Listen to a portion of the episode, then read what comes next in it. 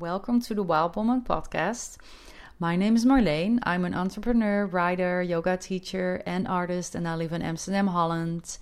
Uh, I really want to inspire with this podcast to start to live from your own heart and your own inner guidance, your own intuition, instead of looking at the world around you to guide you.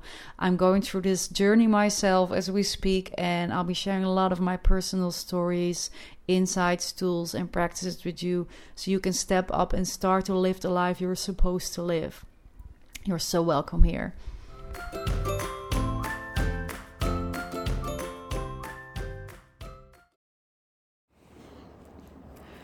So I wanted to share uh, something that I feel is important to share, especially for me, uh, since I've gone on this journey of uh, growth, but also, and of course, we grow our entire lives.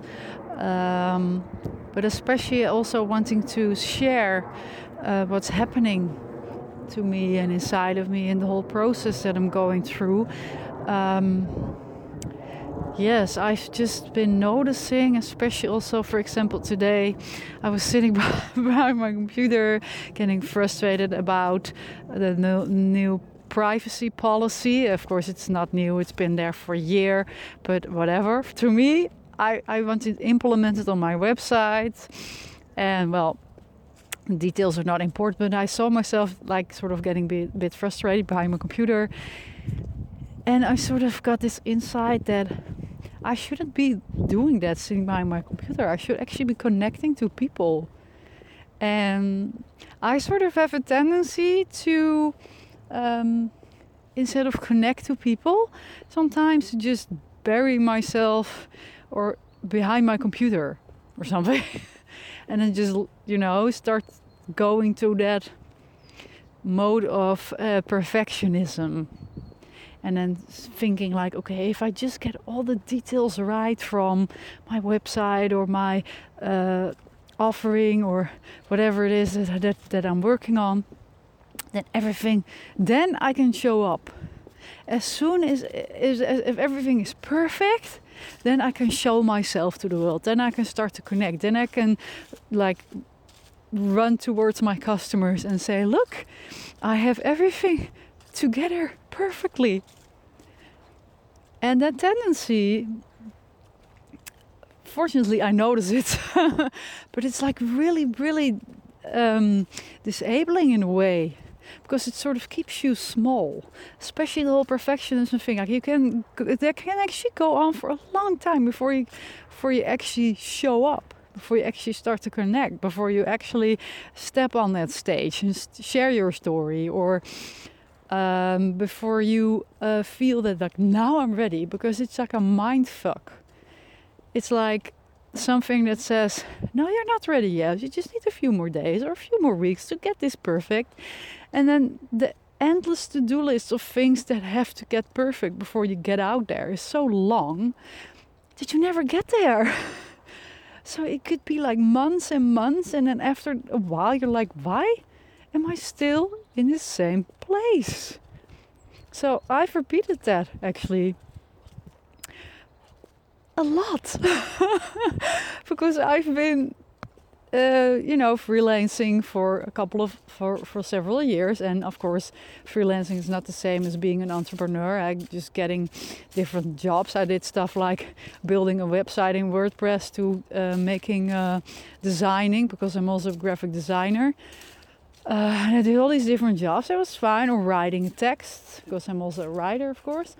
Um, but sorry, I'm just laughing about it because it's kind of funny. It's like this thing where you you know that you have to do something, but it feels sort of out, out of your comfort zone, right? But you're ready for it. That's what I feel right now. I'm like, okay. I've worked with people before. I, I I've I've taught a lot of yoga classes and stuff like that. But now I feel that I want to work with people in a different way. So, for example, I've been channeling, of course, that I want to um, do some kind of soul uh, connecting session. I'm not sure about the name yet, but because I am uh, somebody who feels deeply and, and, and I'm clairvoyant. Um, I figured I, f- I just felt that I want to use that somehow uh, working with people, but it's so out of my comfort zone because I've never done that before. Um, so what do I do instead of like you know connecting to people and you know trying it? The good news is I tried it on my partner and that went really well, so that's good. But I I see that this tendency that I have to just like sit behind my computer trying to like bashing around some details that are like freaking unimportant right now. And then it takes up all my time that I could have spent actually connecting to people and connecting to you know people that that I could maybe give some treatments or just to you know uh, because I know I'm very good at this and I'm not saying this to, to show off or something or anything but it's like to me this is such a natural thing and I've been doing it my entire life. My entire life I've been somebody that people would come to and I would just spew out all these insights about their life about my life you know. It just it's not something I, I have to force or think about or it's just there. It's like natural to me and it feels so natural that it sort of feels weird to ask money for it and that's also another like something that, that pops up there but i think the number one thing is the whole vulnerability thing and I just show up and do it and I just see myself getting distracted in stuff that is just not freaking important at all.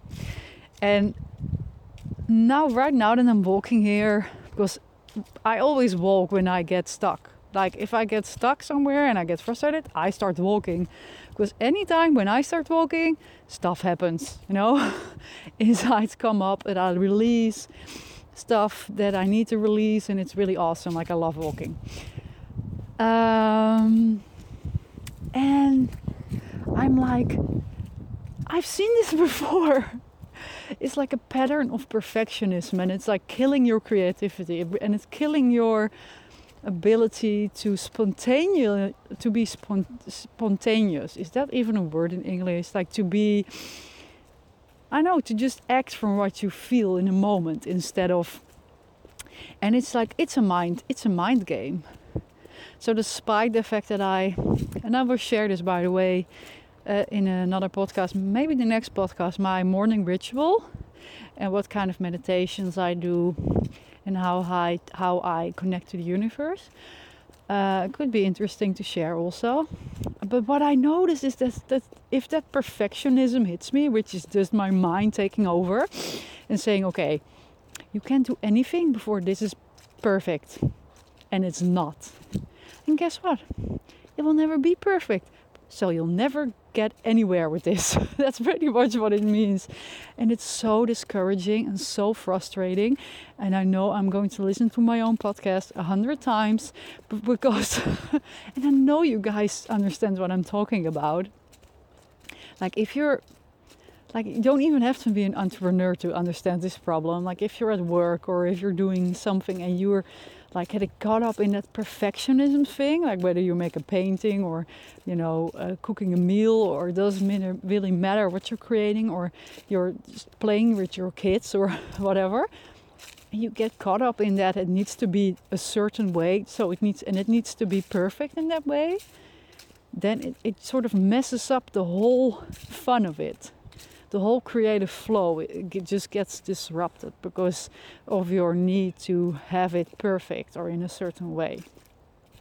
So I noticed that, thank God. and I noticed myself getting freaking annoyed. And I was like, okay, I need to get out of here because I know myself very well.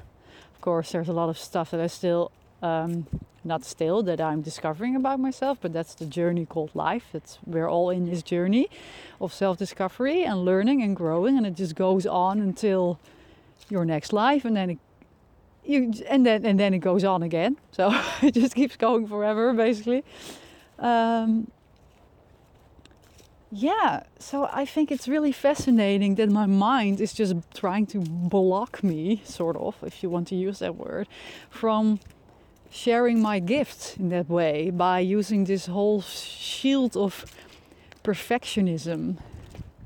and then not even also perfection, but perfectionism in combination, but sometimes looking at other entrepreneurs or other people doing similar things and then and then being like yeah okay they might be ahead of me or ahead of the game or something which is also uh, excuse my language bullshit nobody's ahead of anybody like we're all we're all in the same boat here we're all you know doing these things because you want to share something from our heart or create something from our heart. And I know you have that too. There's something that you want to bring out into the world that you are passionate about, that you love, that you feel inside of you, that you want to spill over to others, you know, because you know that other people are going to learn from it and it's going to, you know, make you happy and it's going to make them happy and all that stuff.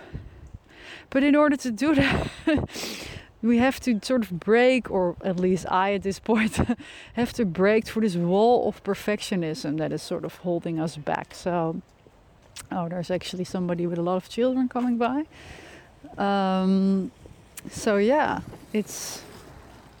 I'm actually happy that I pulled myself away for this walk because now I see when you hit that wall of perfectionism and you see yourself sort of like freaking out about it or being in this this mind space that is just not getting you anywhere just you know disconnect from that and see what it is that you're trying to hide from because i see myself as i said before hiding from true connection. So true connection to another human being.